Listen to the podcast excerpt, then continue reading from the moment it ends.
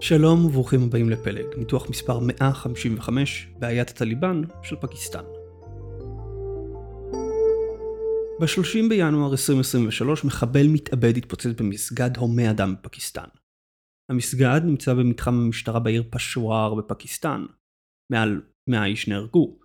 בחקירה שלאחר האירוע נמצא שהמחבל התחפש לשוטר וכך חמק דרך המחסומים בכניסה.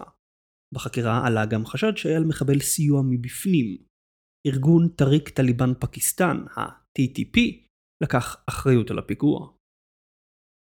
למה שארגון טרור אסלאמי יפגע במדינה הפקיסטנית? זה כמובן לא נדיר שארגוני טרור אסלאמי מפוצצים מסגדים.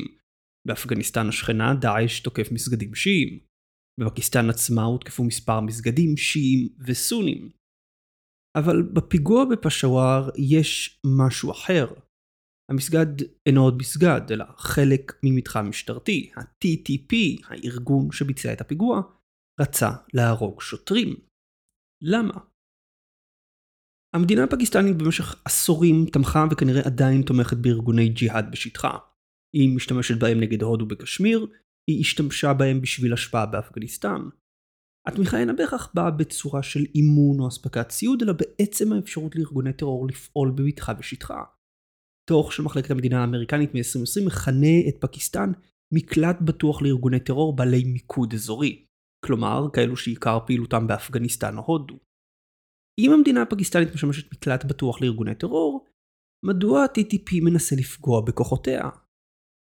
בניתוח היום נכיר את ה-TTP, מדוע הוא הוקם ומה המטרות שלו. אנחנו גם נבין את הקשרים העמוקים בין פקיסטן ואפגניסטן ומדוע הנסיגה האמריקנית כל כך ערערה את פקיסטן בדיוק כפי שחזינו לפני יותר משנה. לבסוף, נראה למה הכיבוש של אפגניסטן היה טעות אסטרטגית, ואיך וושינגטון שיפרה את מצבה בדרום אסיה דווקא על ידי הנסיגה מאפגניסטן. הכל בניתוח היום. בואו נתחיל.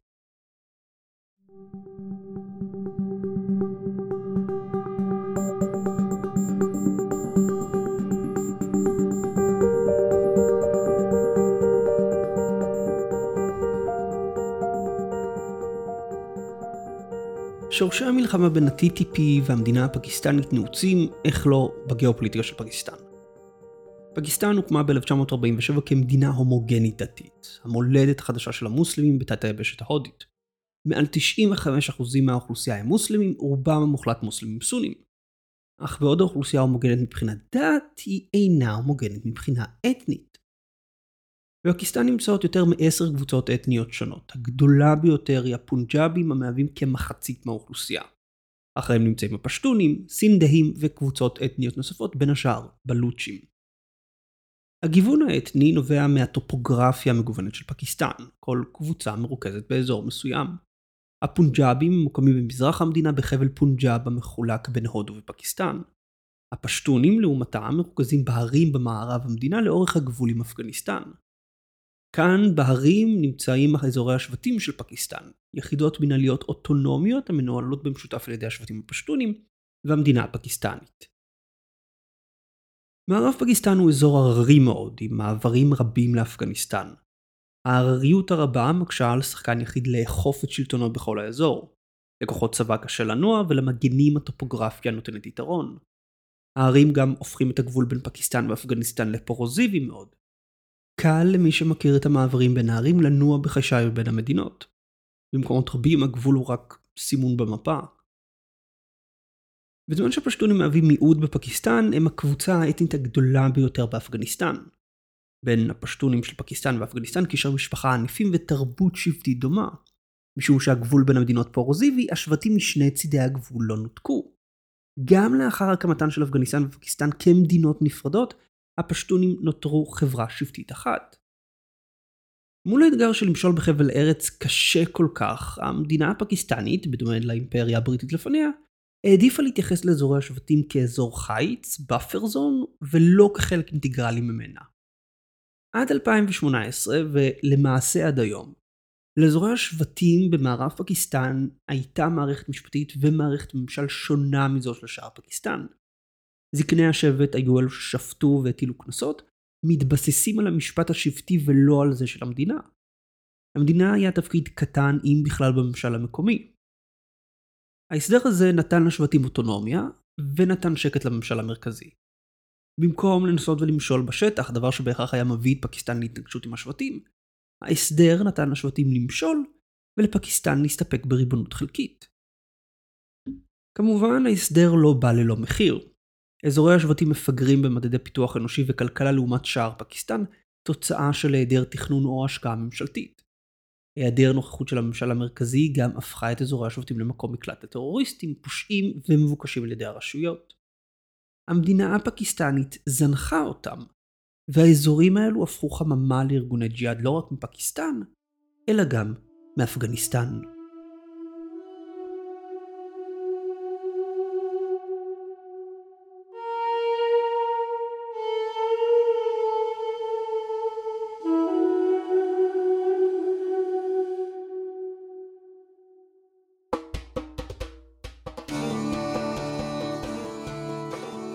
ב-40 השנים האחרונות האזורים הפשטונים בשני צידי הגבול של פקיסטן-אפגניסטן משמשים עומק אסטרטגי אחד עבור השני. כאשר הסובייטים פלשו לאפגניסטן, אזורי השבטים בפקיסטן היו העומק האסטרטגי של לוחמי המוג'הדין. אחרי הפלישה האמריקנית לאפגניסטן, אזורי השבטים היו העומק האסטרטגי של לוחמי הטליבן. ואחרי שהטליבן השתלט על אפגניסטן, היא הפכה לעומק אסטרטגי של ארגון ה-TTP, הסיבה לכך נעוצה בגיאוגרפיה ובאתנוגרפיה של הגבול בין המדינות. השטח ההררי, כפי שאמרנו, לא מאפשר לנתק בין הקהילות הפשטוניות של פקיסטן ואפגניסטן. קשרי משפחה, שפה ותרבות בין הקהילות מעודדת סימפתיה ביניהן. כאשר קבוצה אחת נתונה תחת איום, השנייה יוצאת להגנתה. כך היה בפלישה הסובייטית לאפגניסטן. כך היה בפלישה האמריקנית לאפגניסטן. וכך עכשיו קורה במלחמה של פקיסטן נגד ה-TTP. האירוניה היא שדווקא מי שביקש לחמש את הקשר בין הקהילות, הוא שלבסוף נפגע מהן. אחרי הפלישה הסובייטית לאפגניסטן ב-1979, ארצות הברית השתמשה באזורי השבטים בפקיסטן כעומק אסטרטגי למוג'הדין. היא שלחה דרך הגבול הפרוץ אספקה ונשק, וגייסה מהשבטים לוחמים למלחמה בברית המועצות. היא עזרה להקים, ביחד עם שירותי המודיעין של פקיסטן, מדרסות שמטרתן לגייס לוחמים נגד הסובייטים. לפי מקורות במודיעין הפקיסטני, כ-500 אלף גברים, בעיקר פשטונים, גויסו מאזורי השבטים לטובת המלחמה בסובייטים. אחרי הנסיגה של ברית המועצות, התשתית שהאמריקנים הקימו נותרה במקומה בתמיכתה של פקיסטן. כאשר הטליבן השתלט על אפגניסטן ב-1996, חלק מהלוחמים לשעבר חזרו לאפגניסטן כדי לעזור לטליבן לייצב את שלטונו. המדרסות שהאמריקנים עזרו להקים הדהדו את הניצחון של הטליבן כהוכחה שבכוח הנשק יהיה ניתן להפוך גם את פקיסטן למדינת שריעה. שירותי המודיעין של פקיסטן ראו בכל זה התפתחות חיובית. הם קיוו שהאלמנטים הפקיסטנים בטליבן, שהלוחמים שעכשיו יוצאים לעזור לטליבן באפגניסטן, ייתנו לפקיסטן השפעה באפגניסטן, ויהפכו אותה לעומק אסטרטגי עבור פקיסטן מול הודו. שירותי המודיעין לא הפריעו לקשרים בין הקהילות, וניסו דווקא להשתמש בהם כדי להעמיק את השפעתם בטליבן האפגני. הפלישה האמריקנית לאפגניסטן בסוף 2001 שבה והפכה את אזורי השבטים לעומק אסטרטגי ללוחמים האסלאמיים של אפגניסטן. אבל הפעם המטרה לא הייתה הסובייטים, כי אם האמריקנים. פעילי טליבן ואל-קאעידה נסוגו לאזורי השבטים נטמעים באוכלוסייה המקומית. הם מצאו ארגוני ג'יהאד סימפטיים למטרתם, עם שפה ותרבות דומה, שמוכנים להתגייס נגד ארצות הברית. באזורי השבטים הטליבן התארגן מחדש ומשם הוא פותח במלחמה מחודשת נגד הכובש האמריקני. היתרון של האמריקנים, שבסוף 2001 הם היו מעצמת על היחידה של העולם. בניגוד לברית המועצות, הם יכלו ללחוץ את אסלאמבאד לפעול נגד תשתית הטרור בשטחה. באסלאמבאד, בחוסר רצון, הצטרפה ב-2002 למלחמה העולמית בטרור. הצבא הפקיסטני החל לפשוט על בסיסי טרור ולעצור פעילים. ב-2005 ממשלת פקיסטן טענה שהיא הציבה כ-80 אלף חיילים באזורי השבטים וספגה כ-700 הרוגים במלחמה נגד אל-קאעידה והטליבן. הממשלה הפקיסטנית הצטרפה למלחמה העולמית בטרור בחוסר רצון לא בגלל סימפתיה לאל-קאעידה. להפך, לא הייתה לה בעיה להיאבק באל-קאעידה. הבעיה הייתה עם ארגוני הג'יהאד המקומיים. שלוש בעיות מרכזיות עמדו בדרכה של פקיסטן וריסנו את פעולתה הצבאית. ראשית, שירותי המודיעין של פקיסטן תמכו בטליבן האפגני ובאלמנטים הפקיסטנים בו. באופן טבעי נוצרו קשרים בין קציני הצבא ואנשי הג'יהאד, קשרים שנותרו גם אחרי שארצות הברית הכריזה על המלחמה בטרור. יותר מזה, הממסד הצבאי הפקיסטני האמין שיש לשמור על הקשרים עם הטליבן האפגני. כל אלו הביאו לריסון של הפעילות הצבאית באזורי השבטים כדי לשמור על הקשרים החיוביים בין הצבא וארגוני הג'יהאד. שנית, כרבע מכוח האדם בצבא פקיסטן הוא מקרב הפשטונים, או כך לפחות היה באמצע שנות האלפיים. גם רוב הכוחות הצבאיים למחצה באזורי השבטים היו פשטונים. קשרי משפחה ותרבות גרמו לחוסר נוכחות או אף התנגדות של קצינים פשטונים לפעילות הצבא באזורי השבטים.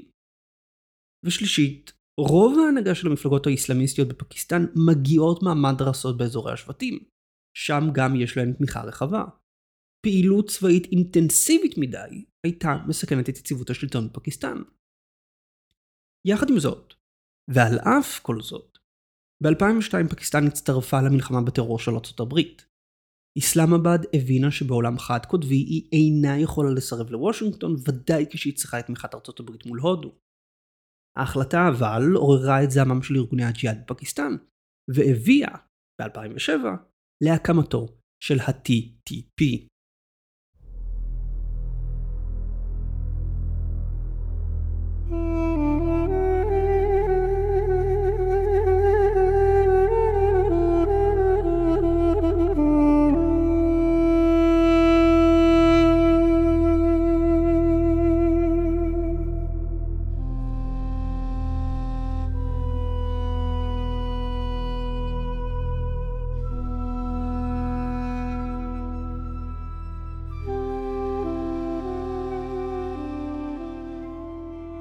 טריק טליבן פקיסטן, TTP, מכונה לעיתים הטליבן הפקיסטני.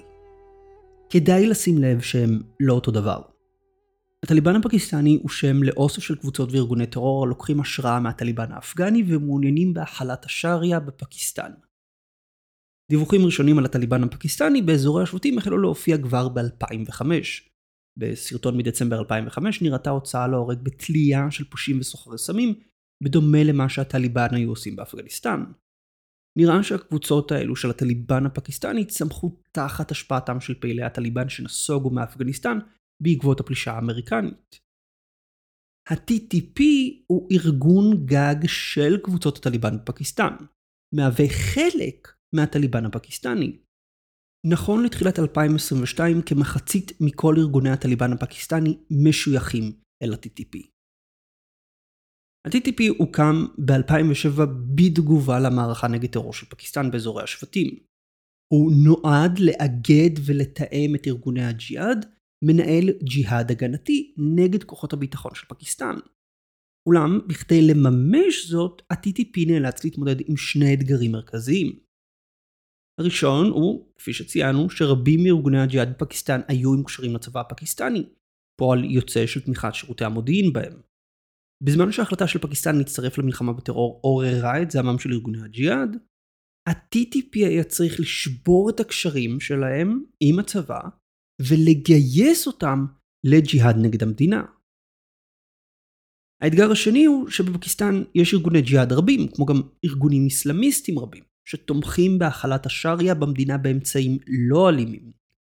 בשביל לגייס משאבים, חברים חדשים ותמיכה פוליטית, ה-TTP היה חייב להגדיל את המשיכה שלו בחברה הפקיסטנית.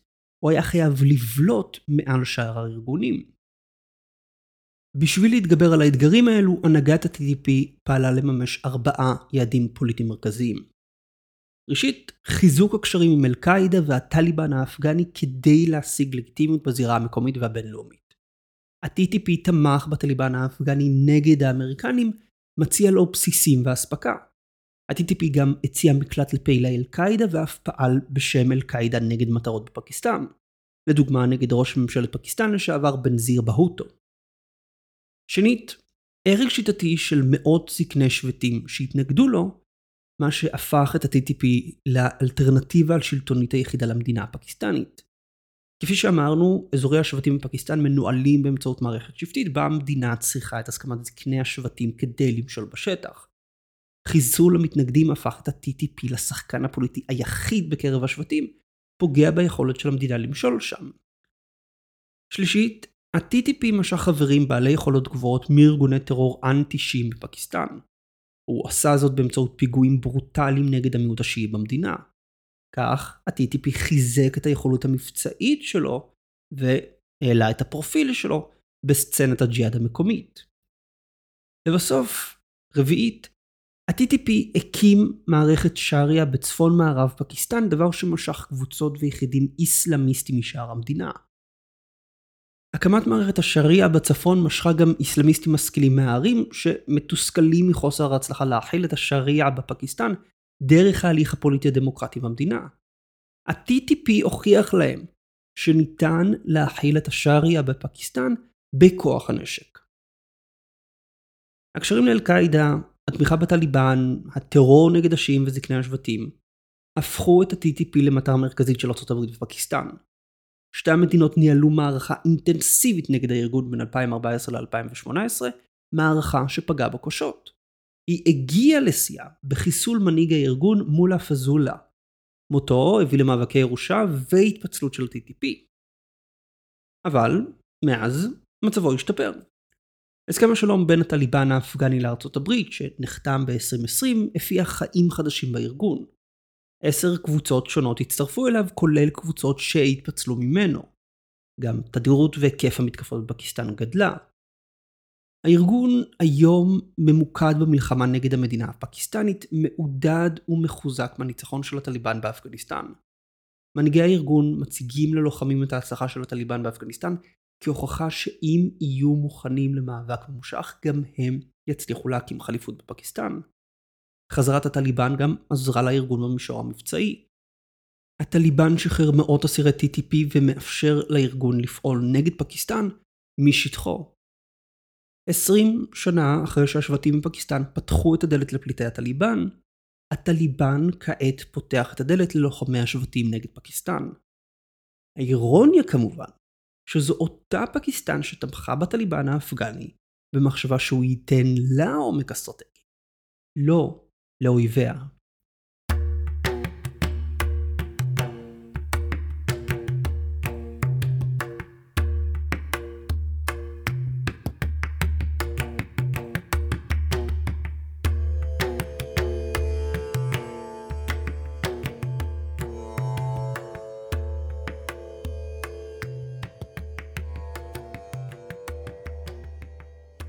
מאז חזרת הטליבן לשלטון, פקיסטן מנסה ללחוץ אותו לפעול נגד ה-TTP.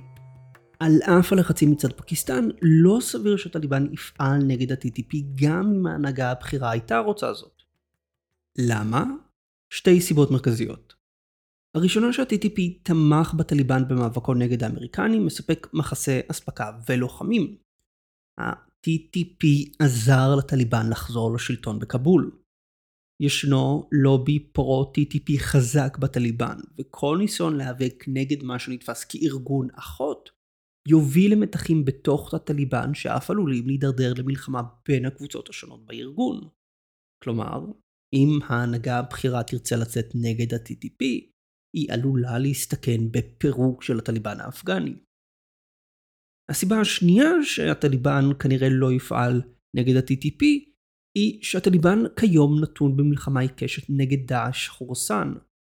דאעש חורסן הוקם מלוחמים שהתפצלו מה-TTP ב-2015. נראה שהארגון מנסה לגייס לוחמים מה-TTP, אולי אפילו להביא את הארגון כולו לצידו. אם הטליבן יפתח במערכה נגד ה-TTP, הוא לא רק יאבד בעל ברית, הוא כנראה יקים נגדו קואליציה חדשה באפגניסטן. בניסיון בכל זאת לשפר את היחסים עם פקיסטן, הטליבן מנהל שיחות שלום בין הצדדים. הוא אף הצליח לשכנע את ה-TTP להכריז על הפסקת אש ביוני 2022. רק שהפסקת האש הזו לא שרדה הרבה זמן. בנובמבר 2022, ה-TTP הכריז על סיום הפסקת האש וחזרת המאבק החמוש נגד פקיסטן. הפיגוע בפשוואר בינואר 2023 הוא חלק מהמערכה החדשה של הארגון נגד המדינה הפקיסטנית. פקיסטן היום נתונה באותה בעיה עם מה התמודדו האמריקנים והסובייטים. היא נלחמת בארגון טרור שנהנה מתמיכת הפשטונים, ומנצל את הגבול הפורוזיבי כדי לחמוק מידיו של הצבא. כיבוש אזורי השבטים במטרה לתאר אותם רק יחזק את ה-TTP כשעוד ארגוני ג'יהאד יצטרפו למלחמת המגן שלו נגד פקיסטן. ניסיון לפגוע בעומק האסטרטגי שלו באפגניסטן ידרוש פלישה למדינה, מה שיסבך את פקיסטן גם עם הטליבן האפגני. לעומת זאת, אם ממשלת פקיסטן תרצה ללכת לכיוון של הסכם שלום, הרי שהסכם שלום עם ה-TTP יחייב את אסלאמבאד לסגת מאזורי השבטים, מה שיאפשר למדינה איסלאמיסטית חדשה לקום על גבולה. מהמדינה הזו ה-TTP יוכל להמשיך ולפעול בשאר פקיסטן, מקדם את המטרה של הקמת חליפות אסלאמית. לפקיסטן אין אופציות טובות במלחמה הזו, ובעוד פקיסטן תקועה במלחמה נגד הג'יהאדיסטים שלה, ארצות הברית שיפרה פלאים את מצבה האסטרטגי.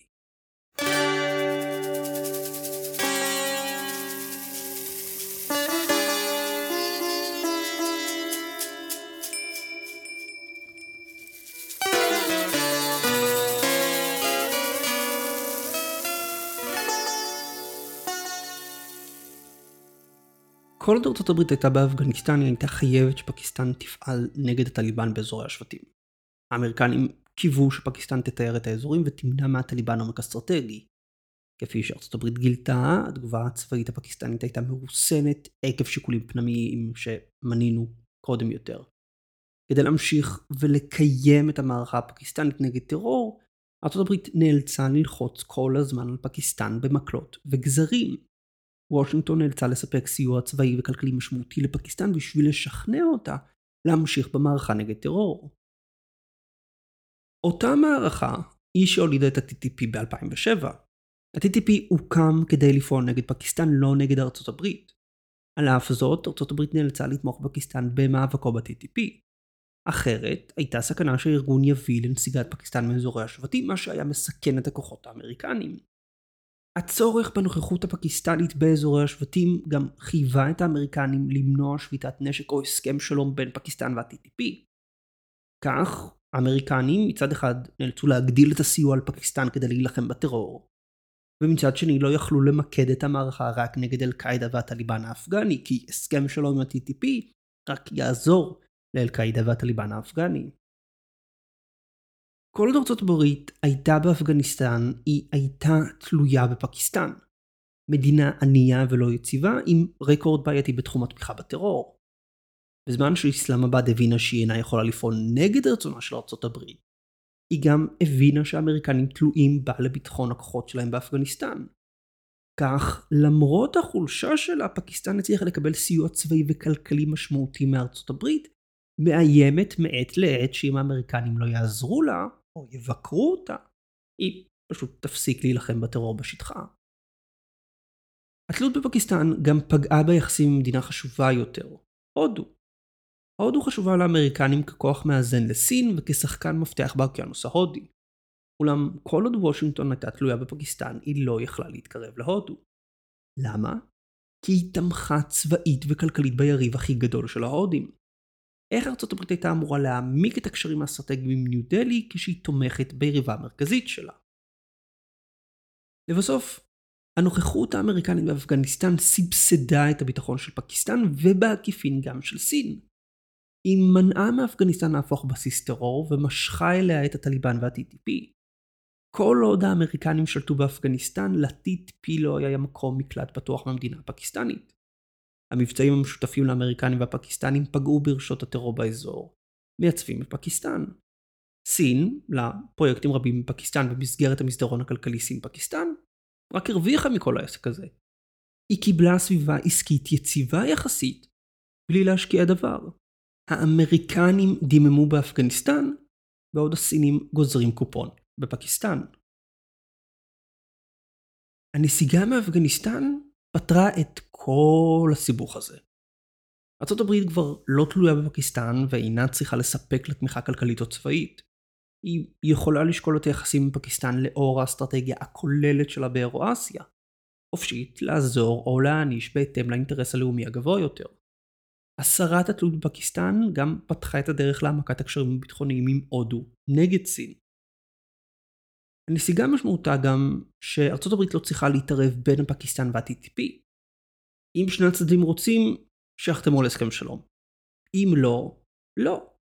ביטחונם של אלפי חיילים אמריקנים כבר לא תלוי בהחלטה. וסין היא שנאלצת להתמודד עם הטרור בפקיסטן ואפגניסטן, לא ארצות הברית. מאז הנסיגה האמריקנית סין נאלצת להתמודד עם איומים והתקפות מצד הבלוצ'ים בפקיסטן ודאעש באפגניסטן. סין היא זו שנאלצת ללחוץ על פקיסטן להילחם בטרור בשטחה, חוששת לפרויקטים הרבים שלה בפקיסטן. ארצות הברית כבר לא צריכה להגן, גם בעקיפין, על האינטרסים של בייג'ינג.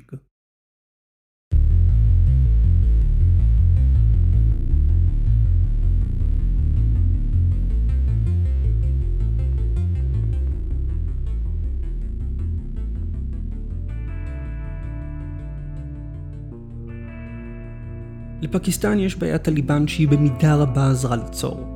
אזורי השבטים ששימשו כר פורה לארגוני ג'יהאד בשירות המדינה, היום משמשים בסיס ל-TTP, המחויב למלחמה נגד המדינה הפקיסטנית. לפקיסטן לא נותר אלא לבחור בין מלחמה ממושכת או נסיגה שתביא רק הקלה זמנית. עבור המדינה הפקיסטנית הבחירה לכאן או לכאן תשפיע על עתידה. עבור ארצות הברית, לאחר שיצא מאפגניסטן, להחלטה יש חשיבות מעטה, אם בכלל. תודה לכם על ההקשבה.